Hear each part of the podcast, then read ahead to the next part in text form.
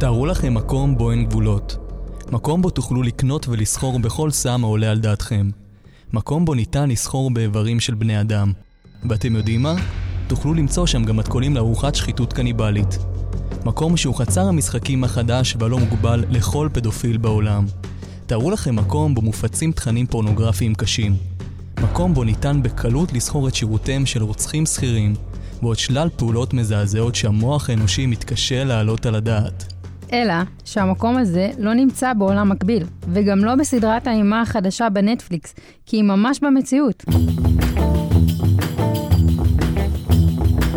אני יוני פלטיאל. ואני עדן אליעד, ובפרק הזה של עוברים על החוק ניקח אתכם למסע במערב הפרוע של האינטרנט, הדארקנט, וננסה להבין איך קרה שעדיין לא הגיע לשם שריף לעשות סדר,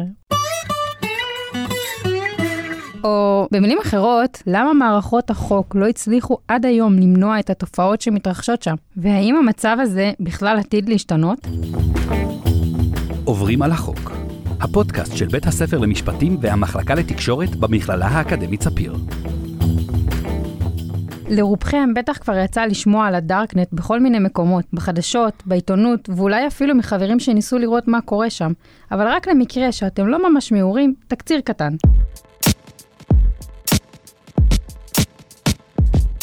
אז הדארקנט, או בעברית הרשת האפלה, היא רשת תקשורת אנונימית מוצפנת המבוססת על תשתית האינטרנט ומאפשרת רמת אנונימיות ופרטיות מידה מוגברת. אז אנונימיות? זה הסיפור? לא בדיוק. אפשר לומר שהרשת האפלה היא מעין מסיבה פרטית שהכניסה אליה היא מהדלת האחורית, וקוד הלבוש המאפשר גישה אליה הוא הדפדפן תור. תור הוא הדפדפן המוכר והפופולרי ביותר לכניסה לדארקנט, וראשי התיבות שלו באנגלית הם The Onion Router, כלומר נתב הבצל. בצל? מה קשור בצל?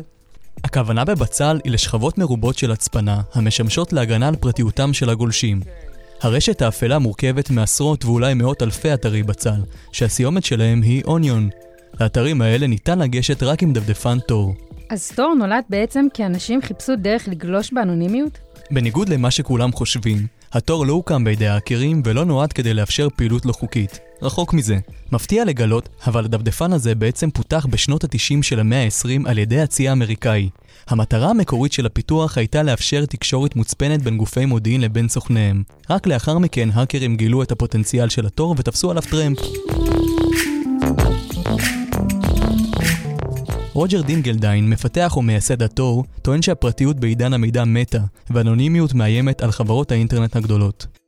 האידיאולוגיה מאחורי הקמת התור היא הגנה על החירות והזכות לפרטיות כזכויות יסוד שאין לערער עליהן. ככל שיותר ויותר אנשים ישתמשו בדפדפן התור, כך יהיו יותר שכבות שיגנו על פרטיות הגולשים מפני תקיפה של הרשויות וגורמי האכיפה. כן, במילים האלה ממש. אז למה לא פשוט להשתמש באפשרות של גלישה בסתר בדפדפן רגיל? להבדיל מגלישה פשוטה בדפדפן רגיל, כמו כרום לדוגמה, שעוברת דרך שתי תחנות, תחנת יציאה, שהיא המחשב שלנו, ותחנת כניסה לאתר שבו אנו גולשים, למשל כמו גוגל. אז באמצעות התור, נוספות למשתמשים עוד מספר תחנות המטשטשות את פרטי הגלישה ופרטי הזיהוי של המחשב, וככה בעצם אפשר לגלוש בצורה אנונימית ולבצע פעולות לא חוקיות. ממחקרים עולה כי הרוב המוחלט של המשתמשים בדפדפן תור, ליתר דיוק 95% מכלל המשתמשים, עושים בו שימוש על מנת לגלוש באופן רגיל ובאתרים רגילים, כשהמטרה שלהם בגלישה בו היא רק שמירה על האנונימיות. הבעיה היא בחמשת האחוזים הנותרים, שמשתמשים בדארקנט למטרות לא חוקיות. אוקיי, אבל חמשת האחוזים האלה, על כמה אנשים מדובר? מה היקף התופעה בעצם? יפה. בשביל לענות לך על השאלה הזאת, פנינו למומחה. אם אנחנו לוקחים את כל, ה, את כל הדיפ ווב, יש אה, כמות של מידע שהיא פי 400 או פי 500 ממה שאנחנו מכירים אה, ברשת האינטרנט, שגם היא מכילה כמויות עצומות של אה, מידע.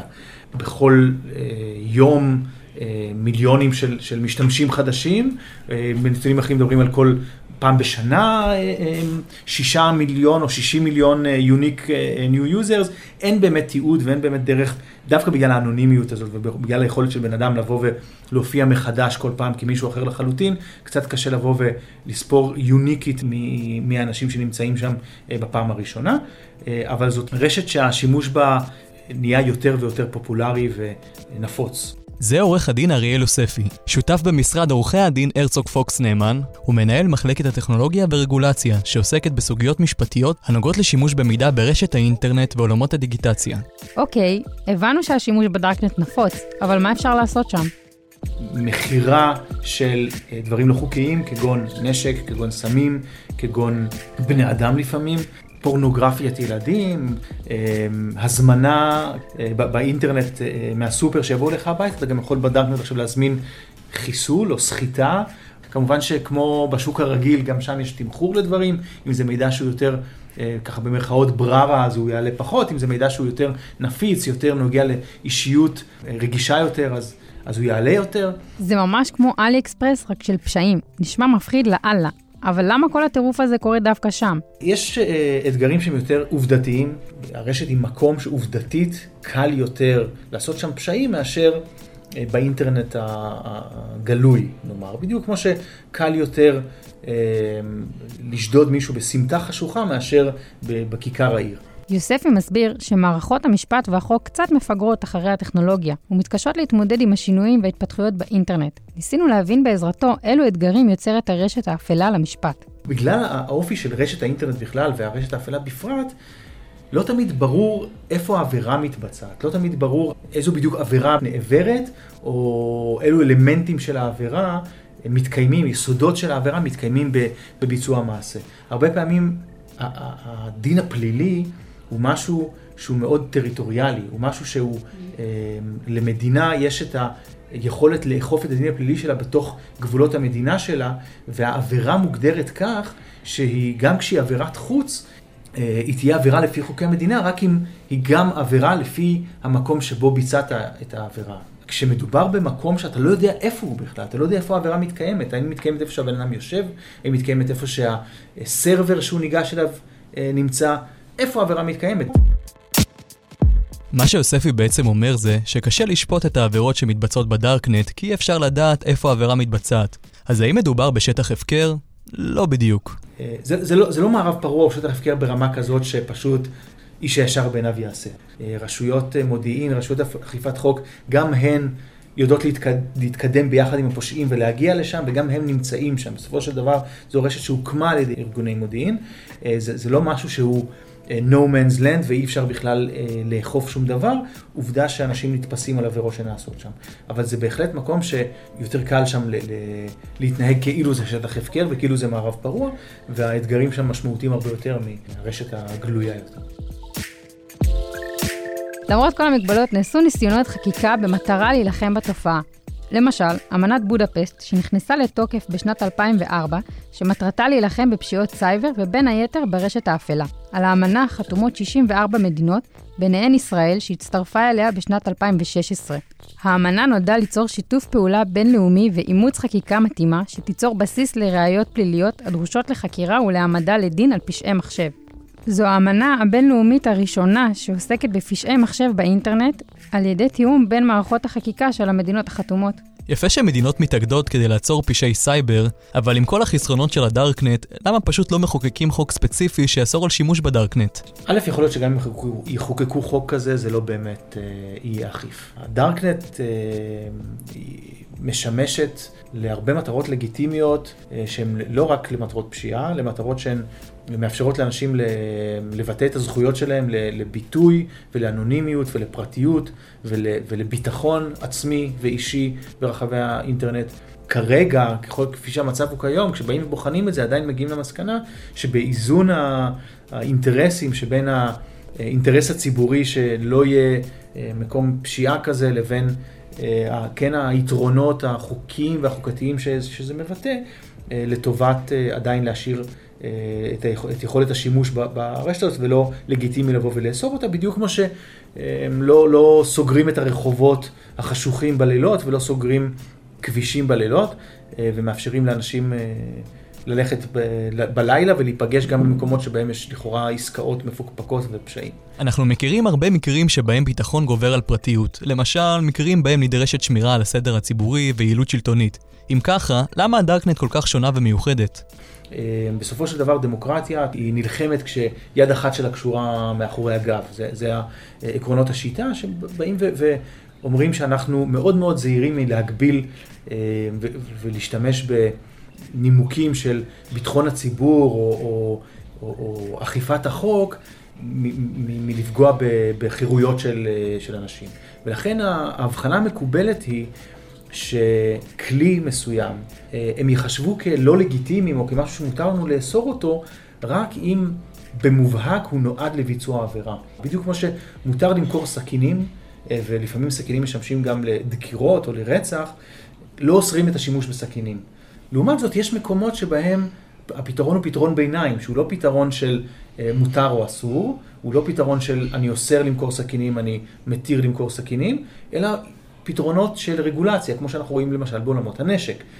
נשק הוא דבר חוקי, מותר לאנשים לרכוש נשק להגנה עצמית, אה, אבל בהרבה מדינות בעולם, אה, לרבות בישראל, יש על זה רגולציה.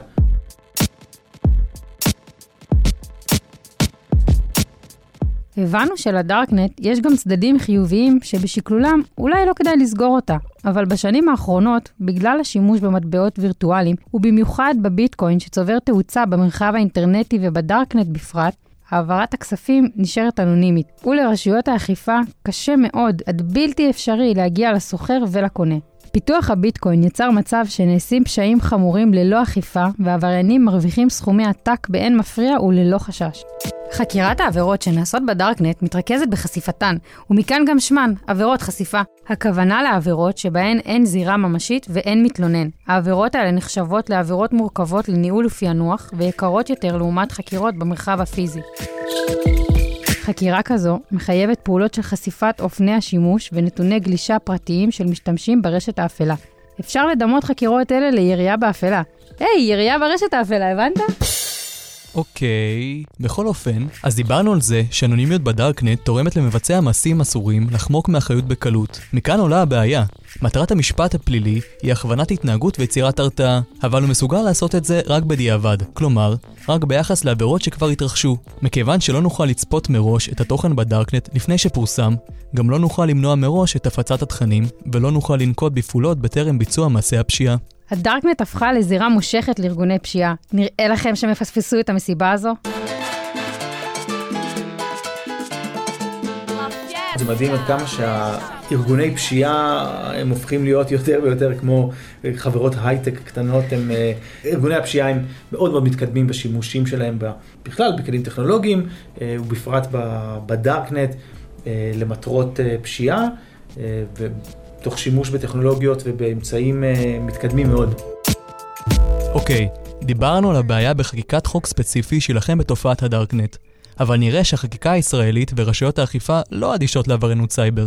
מדובר באנשים בדרך כלל, פושעים שהם מאוד מאוד מתוחכמים, והם יודעים איך לכסות אה, על העקבות שלה, שלהם, והטכנולוגיה לאו דווקא תהיה זאת שהיא אה, תהיה בראש הכלים ש, שבהם תשתמש כדי לתפוס אותם, אה, רשויות האכיפה בדרך כלל ישתמשו וינסו לגלות את הפרצה פסיכולוגית יותר של לבוא ולחכות איכשהו עד שהוא, או להביא אותו לידי טעות שבה בלי שהוא שם לב הוא מוסר אה, איזשהו מידע שמזהה עליו, או מידע שמזהה על עסקה אחרת שהוא עשה, או על איזשהו משהו שדרכו אפשר לבוא ולסגור את המעגל.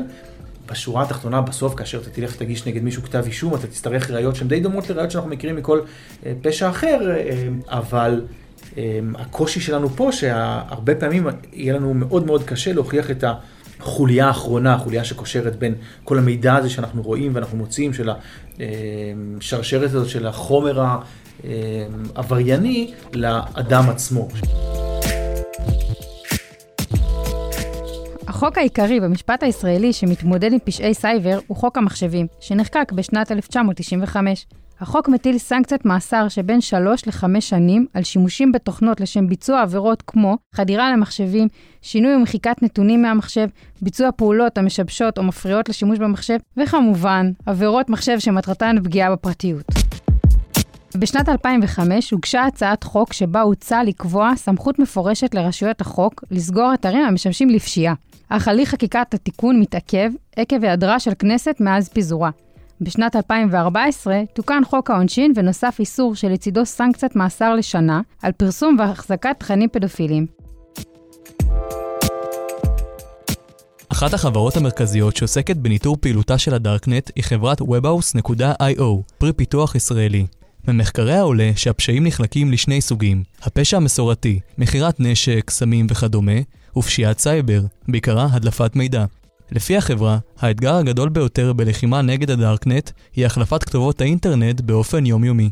במחקר נוסף שנעשה על ידי החברה, נמצא כי 50% מהפעילות ברשת היא פלילית. מחקר זה יוצר בעיה נוספת, בגלל שמחצית מהפעילות ברשת היא חוקית ולגיטימית לגמרי. כרגע באמת זה נכון שהאכיפה היא נעשית בצורה הרבה יותר כירורגית. אם יבואו ויעשו את זה בצורה גורפת, אם יסגרו אה, חלקים מסוימים של הרשת, או יכולות של אנשים בגילאים מסוימים ובמדינות מסוימות להיכנס לרשתות, אה, זה יהיה גורף מדי וזה יפגע כנראה מאוד בזכויות אה, לגיטימיות של אנשים, ואני לא רואה בינתיים איך עושים את זה כל כך בקלות בצורה גורפת. לאחרונה קמו לדארקנט חלופות. על פי מחקר של צ'ק פוינט, חלק מהגולשים בדארקנט נוטשים אותה לטובת אפליקציית טלגרם. הסיבה לכך היא הכניסה הקלה לממשק החדש לעומת זה של תור. אז האם עד שמערכות האכיפה יבינו איך להתמודד עם אתגרי הדארקנט, ימצאו הפושעים אלטרנטיבות אחרות? מה צופן העתיד לרשת האפלה? אני חושב שהאינטרנט הופך יותר ויותר להיות אה, מבוזר.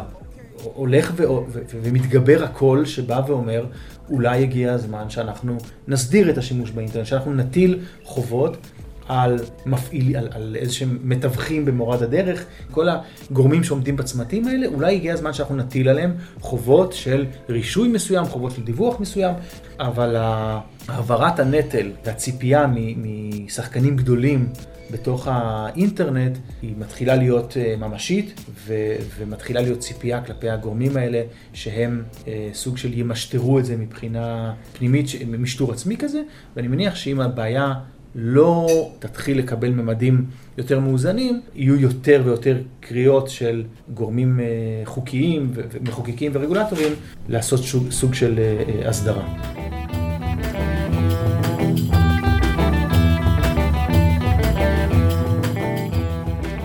אז מה היה לנו היום? ניסינו להבין למה למרות שהפעילות הפלילית בדארקנט מוכרת לרשויות החוק כבר כל כך הרבה שנים, הן עדיין לא הצליחו למצוא דרך לטפל בה.